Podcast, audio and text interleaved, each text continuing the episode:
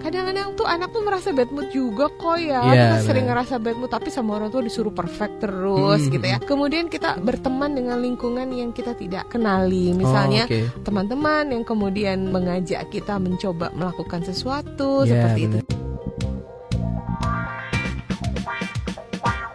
Disko, diskusi psikologi.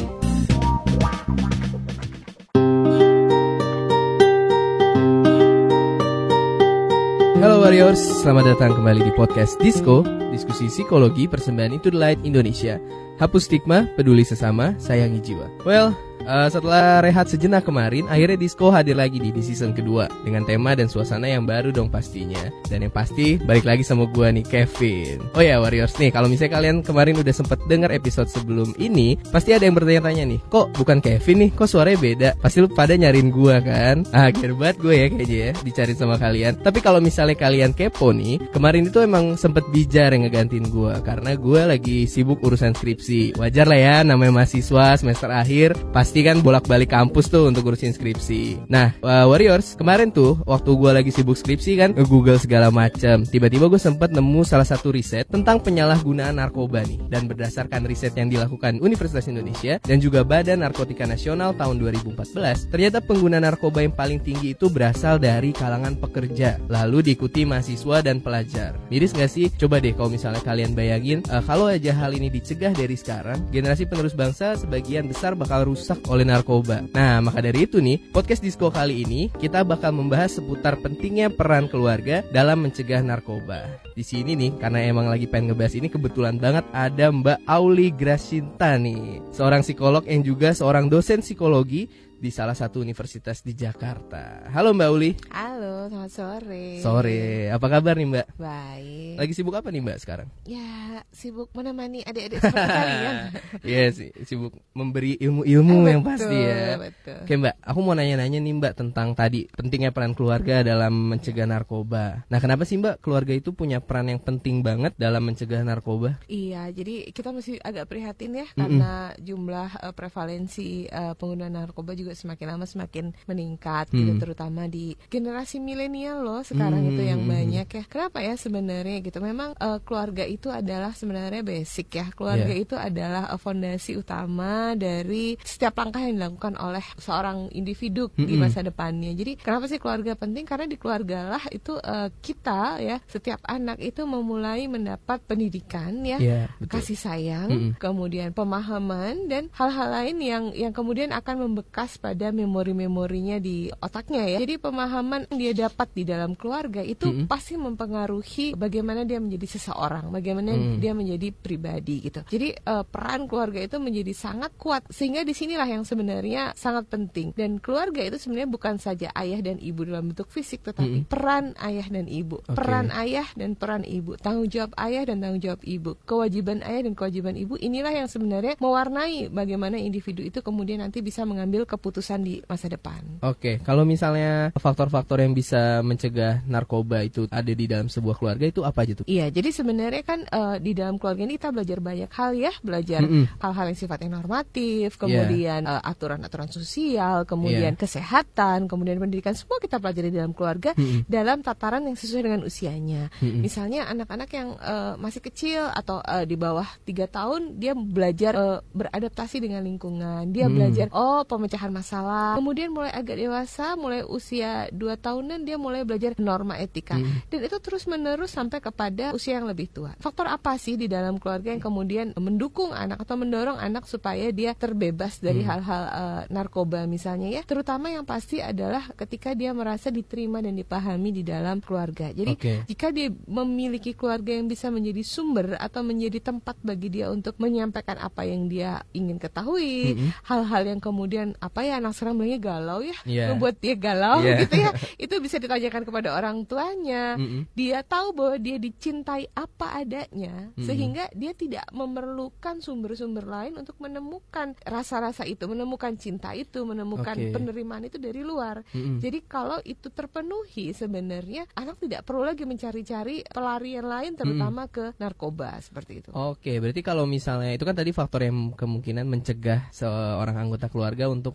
mengonsumsi narkoba. Iya. Nah, kalau misalnya kira-kira faktor apa yang bisa memicu seorang anggota keluarga pelariannya ke narkoba? Iya, ya tentunya kebalikannya ya. Iya. Gitu. Misalnya eh, anak tidak mendapat eh, penerimaan dari keluarga, Iya. misalnya Mm. tuntutan yang terlalu tinggi gitu ya. Mm-mm. Udah dapat nilai 80 nih masih harus dapat nilai 90 lagi gitu ya. Mm-mm. Kemudian tidak dipahami bahwa kadang-kadang tuh anak tuh merasa bad mood juga kok ya. Iya, kita sering benar. ngerasa bad mood tapi sama orang tua disuruh perfect terus Mm-mm. gitu ya. Kemudian kita berteman dengan lingkungan yang kita tidak kenali. Misalnya Oh, teman-teman yang kemudian mengajak kita mencoba melakukan sesuatu Ya, seperti itu. benar. Jadi bisa menjadi banyak hal yang pasti adalah faktor yang mempengaruhi itu terutama ketika anak merasa tidak diterima, Mm-mm. dia membutuhkan pelarian, kemudian pelariannya ini ditangkap oleh lingkungan yang Mm-mm. tadi yang yang punya akses kepada hal-hal seperti itu Oh, begitu. Oke. Ah, kalau misalnya kita eh, berbicara faktor keluarga yang mungkin mempengaruhi seseorang untuk pelariannya ke narkoba nih, bahkan mungkin kita sering dengar keluarga broken home tuh memiliki andil yang cukup besar ketika untuk si anak ini atau untuk si anggota keluarga ini Iya. pelariannya ke narkoba. Nah, sebenarnya eh, keluarga yang broken home itu bener nggak sih menjadi pemicu yang paling besar atau mungkin terjadi di keluarga yang baik-baik aja? Iya, pada dasarnya kalau dari hasil penelitian eh, pengguna narkoba datang dari semua jenis keluarga, Oh, baik oke. yang dikatakan tadi broken Hmm, home hmm, hmm. maupun yang baik-baik saja. Karena kita sebenarnya tidak punya definisi yang tepat tentang keluarga yang baik-baik saja. Iya. Nah, benar. gimana sih? Iya, iya, Semua iya. keluarga punya masalah kok, Hmm, gitu ya. hmm, hmm. Semua keluarga punya hal yang dianggap tidak sebaik keluarga yang lain Iya, lah. Rumput iya, tetangga lebih benar. baik daripada rumput Benar. sendiri ya. Tapi itu tadi yang disebut broken home tuh yang seperti apa juga? Ada bapaknya, ada ibunya, ada anaknya. Tapi broken home juga mungkin nggak? Mungkin. Oh, oke. Di mana peran ayah dan peran ibu ini yang tidak berjalan sesuai dengan apa seharusnya. Hmm, begitu. hmm, hmm. Di mana ketika anak merasa lelah, ketika anak merasa kenapa ya kok tubuhku berubah dan sebagainya, dia pengen nanya sama ibunya, tapi Hmm. ibunya kayaknya nyokap gue galak banget ya gitu. Jadi Iya, dia iya, takut iya, gitu. Atau misalnya ayah, ayah itu biasanya dianggap sebagai eh, sosok yang prestatif ya. Mm-mm. Kalau kita punya prestasi itu bangganya sama ayah loh, bukan Iya, sama ibu, benar, tapi bangganya itu sama ayah. Tapi Iya. ayahnya kok nggak pernah apresiasi ya gitu ya, ayahnya masih aja semua Hmm, di iya, tuntut. iya, Nah, iya. itu juga sangat mungkin. Jadi disebut broken home itu tidak saja spirit family ya, Mm-mm. maksudnya yang eh, divorce dan sebagainya, Iya, iya, tetapi iya. ketika peran-peran orang tua di dalam keluarga ini tidak berperan sebagaimana yang seharusnya. Mm-mm. Begitu juga dengan peran anak. Oh, juga oke. jangan lupa dengan Iya, peran iya. Bahwa anak itu ketika dia butuh dukungan atau Mm-mm. ketika dia butuh arah, dia sebenarnya bisa bertanya pada orang tuanya. Mm-mm. Nah, karena anak kadang juga tidak paham dengan perannya. Iya. Ketika dia butuh pertanyaan, dia tanya sama temennya yang sama-sama juga nggak tahu. Benar, yang akhirnya benar, tanya sama senior yang agak-agak nakal. Akhirnya, ah lu daripada galau, cobain ini aja. Iya, nah, itu terus iya, menerus. iya, Jadi iya. eh, peran dalam keluarga ini lebih penting daripada tadi broken home atau Mm-mm. keluarga baik-baik saja. Banyak sekali kasus narkoba yang datang dari keluarga yang katanya baik-baik saja, tetapi Mm. itu kan di luar yang dilihat orang. Iya. Padahal yang di dalam yang terjadi adalah yang keseharian yang dirasakan. Mm-mm. Peran ayah, peran ibu, peran anak ini bagaimana sih peran eh, saling berinteraksi di dalam rumah tangga ini sendiri. Hmm. Tadi adanya kehangatan, adanya penerimaan apa adanya. Mm. Jadi unconditional love ya Mm. gitu. Jadi mencintai tanpa syarat gitu, baik mencintai ayahnya, mencintai ibunya, ibunya juga mencintai anaknya seperti itu. Hmm, Oke Mbak, kalau tadi kan aku terus nih yang nanya. Nah Ya. kemarin kita udah sempat melempar eh, pertanyaan ke followers kita atau warriors nih. Coba mungkin kalian ada yang ingin ditanyakan nih ke Mbak Uli. Nah ini kita udah milih tiga pertanyaan yang disampaikan nih ke Mbak Uli. Nih yang pertama ada dari Ed Alvia Piewirawan. Bagaimana seharusnya peran keluarga khususnya orang tua dalam memberikan pengajaran kepada anaknya untuk mencegah anak menjadi pengguna narkoba. Sedangkan di dalam ilmu psikologi yang saya dapatkan dalam mengajarkan anak tidak boleh ada kata melarang atau tidak boleh karena itu akan dapat menimbulkan rasa keingintahuan ataupun rasa ingin mencoba sesuatu hal yang dilarang tersebut. Cara terbaiknya untuk memberikan pengarahan dan memberitahu kepada anak harus seperti apa. Dan sejak umur berapakah kita harus memberikan pengarahan dan pengajaran tentang bahaya menggunakan narkoba kepada anak. Banyak banget nih pertanyaan Iya. ini kayaknya. Di, di, diborong sama Iya, kayaknya. Oke, jadi nanti jawabannya juga borong. Jadi memang eh, sering kali apakah tidak boleh bilang tidak? Yes. Hmm. Bahwa otak kita itu lebih kalau kita dibilang jangan lari, wah lari akan Makin kencang. lari. Iya, iya, Tapi iya. coba bilang stop, Oh, pasti dia berhenti oke, gitu. Jadi iya, iya. karena kata jangan tuh tidak dibaca. Jadi yang Mm-mm. kita baca adalah eh, yang akhirnya gitu kita bilang stop aja pasti berhenti. Nah sebenarnya masalahnya bukan karena kita tidak tidak boleh melarang, jadi kita tidak bisa mengajarkan. Waduh susah kalau kayak gitu. iya benar. Yang lebih penting adalah memahami gitu. Jadi Hmm. sejak sebenarnya sejak sangat kecil anak itu diajarkan apa sih yang baik dimakan dan Hmm. apa yang tidak baik dimakan. Mm-mm. Kenapa sih ketika kita sakit kita harus minum obat? Padahal obat Mm-mm. itu pahit. Nah, itu kan pemahaman ya. Ya, Jadi benar. ketika kita memasukkan sesuatu ke dalam tubuh kita, reaksinya bagaimana? Bahwa ada substance yang memang boleh masuk ke tubuh kita dan Mm-mm. ada substance yang tidak. Termasuk Ya. misalnya di, biasanya narkoba dan sebagainya kan dimulai dari merokok juga. Benar. Apa? Misalnya dia melihat kok di keluarganya merokok, kenapa merokok? Kenapa boleh merokok? Kenapa Mm-mm. tidak boleh? Jadi ini harusnya bisa diajarkan sejak kecil gitu. Jadi Mm-mm. keluarga yang dari awal memang mengajarkan secara sehat, tentunya ke depannya juga akan lebih mudah untuk memahamkan bahwa ini baik untuk tubuh kita, yang ini Mm-mm. tidak baik. Dan sekarang sih sebenarnya untuk mengajarkan anak itu banyak sekali ya apa eh, media-media yang bisa kita gunakan Iya. ya contoh-contoh. Dan sekarang itu sebenarnya pemerintah terutama BNN kan udah pakai narkoba, nggak keren gitu kan? benar. Itu kan sebenarnya sudah kenapa sih mah kok pakai narkoba nggak keren? Ya langsung saja dijelaskan. Iya, Gitu. iya, Jadi iya, iya. tidak perlu kata larangan, tidak boleh dan sebagainya. Yang penting dipahami bagi anak adalah konsekuensinya. Kalau Iya, dia iya, pakai iya. narkoba itu apa sih konsekuensinya? Ah, kalau kita sekarang tuh banyak tuh gambar-gambar kalau orang pakai narkoba itu otaknya kan seperti apa Mm-mm, gitu ya.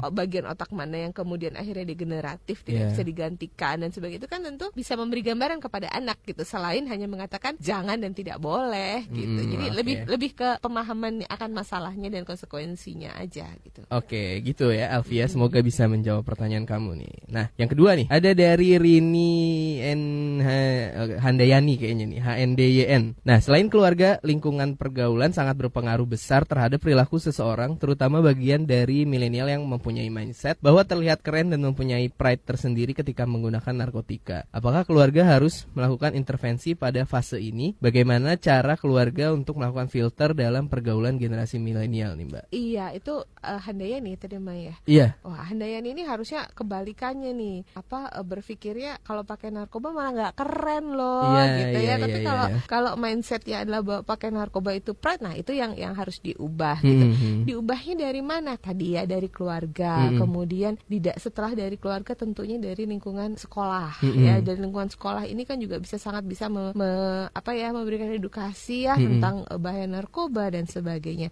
Apalagi kalau ada contoh-contoh yang nyata gitu ya contoh-contoh yang bisa kita lihat secara nyata dampaknya gitu kemudian tadi itu pergaulan balik lagi peran gitu Iya. benar. Sebenarnya orang tua itu punya peran yang cukup besar Mm-mm. dalam dalam mempengaruhi pergaulan anak. Misalnya eh, dengan siapa sih dia sebaiknya bergaul, Iya. di lingkungan apa sih dia sebaiknya bergaul gitu. Yang penting sih sebenarnya ketika anak menanamkan rasa percaya diri dulu sama anak gitu. Oke. Ketika anak ini punya karakter, punya kepercayaan diri, dia tahu betul mana yang baik dan mana yang tidak. Mhm. Itu gempuran ya godaan Iya, iya, dari iya, iya. setan-setan Iya. dari lingkungan itu akan lebih mudah gitu di, di Oke. istilahnya dia udah punya pagar nih bisa Oke. dimunculkan dari mana tadi apa eh, dihargai Mm-mm, sebagai anak kalau dia bisa ikut ke kegiatan-kegiatan yang kemudian membuat dia punya eh, prestasi ya Mm-mm. tidak harus juara nasional Iya, Indonesia iya. enggak sih gitu tapi paling enggak dia oh aku ikut ekskul taekwondo loh Mm-mm. oh aku ikut ekskul basket loh oh aku ikut ekskul drum loh dan itu tuh itu saja sebenarnya sudah menumbuhkan rasa percaya diri Nah, Oke. ketika kepercayaan diri ini cukup kuat, maka eh, lingkungan tadi itu mental lah istilahnya ya, Mm-mm. mental jadi tidak bisa mempengaruhi eh, pengambilan keputusannya dia untuk menggunakan narkoba tadi gitu. Terakhir nih Mbak, dari Murti Bram, bagaimana cara menyembuhkan ketergantungan pada narkoba jika anaknya datang dari broken family sehingga orang tuanya nih tidak memiliki peran yang maksimal. Iya, jadi ketika kalau kita sudah masuk ke belenggu narkoba ya, sulit sekali untuk bisa melepaskan diri secara mandiri. mm-mm, Ya, mm-mm. karena itu sangat butuh bantuan dan dan pemerintah itu sudah memberikan bantuan rehabilitasi gratis loh, Oh, gitu ya. oke. Itu kalau kita memang mengakui ya, admit eh, kita mengakui bahwa kita narkoba, kita datang ke puskesmas akan diberikan rehabilitasi secara gratis. Bagaimana kalau keluarganya broken home? Ya itu tadi. Pertama memang harus mencari bantuan ahli. Iya. Bantuan ahli ini bisa didapat di mana? Tadi pemerintah sebenarnya sudah memberikan layanan gratis untuk Mm-mm. eh, apa rehabilitasi. Kalau dia eh, broken home, ya tetap dia perlu sistem support ya, Iya. sistem support yang lain. Apakah itu teman-teman terdekat Iya, ya, benar. atau mungkin tante, bibi, om dan sebagainya. Mm, mm, mm. Guru di sekolah itu Iya. juga bisa jadi role role model role model selain orang tua yang mungkin juga bisa berperan. Nah, oke deh Warriors, sampai sini dulu podcast Disco kali ini. Terima kasih banyak Mbak Auli udah bersedia Sama-sama. sharing pengalamannya, terus pengetahuannya juga. Dengan mendengarkan podcast ini, semoga kita bisa membantu menghapus stigma di masyarakat, lebih peduli terhadap orang-orang di lingkungan sekitar, dan tentunya juga jangan lupa untuk selalu menyayangi jiwa kalian sendiri. Sampai bertemu di podcast episode selanjutnya. Dengarkan di kbrprime.id. Terima kasih BNN sudah mensupport podcast ini. Lo keren tanpa narkoba. Gua Kevin, pamit undur diri. Don't forget to be happy and live to the fullest. See you. Disco, diskusi psikologi.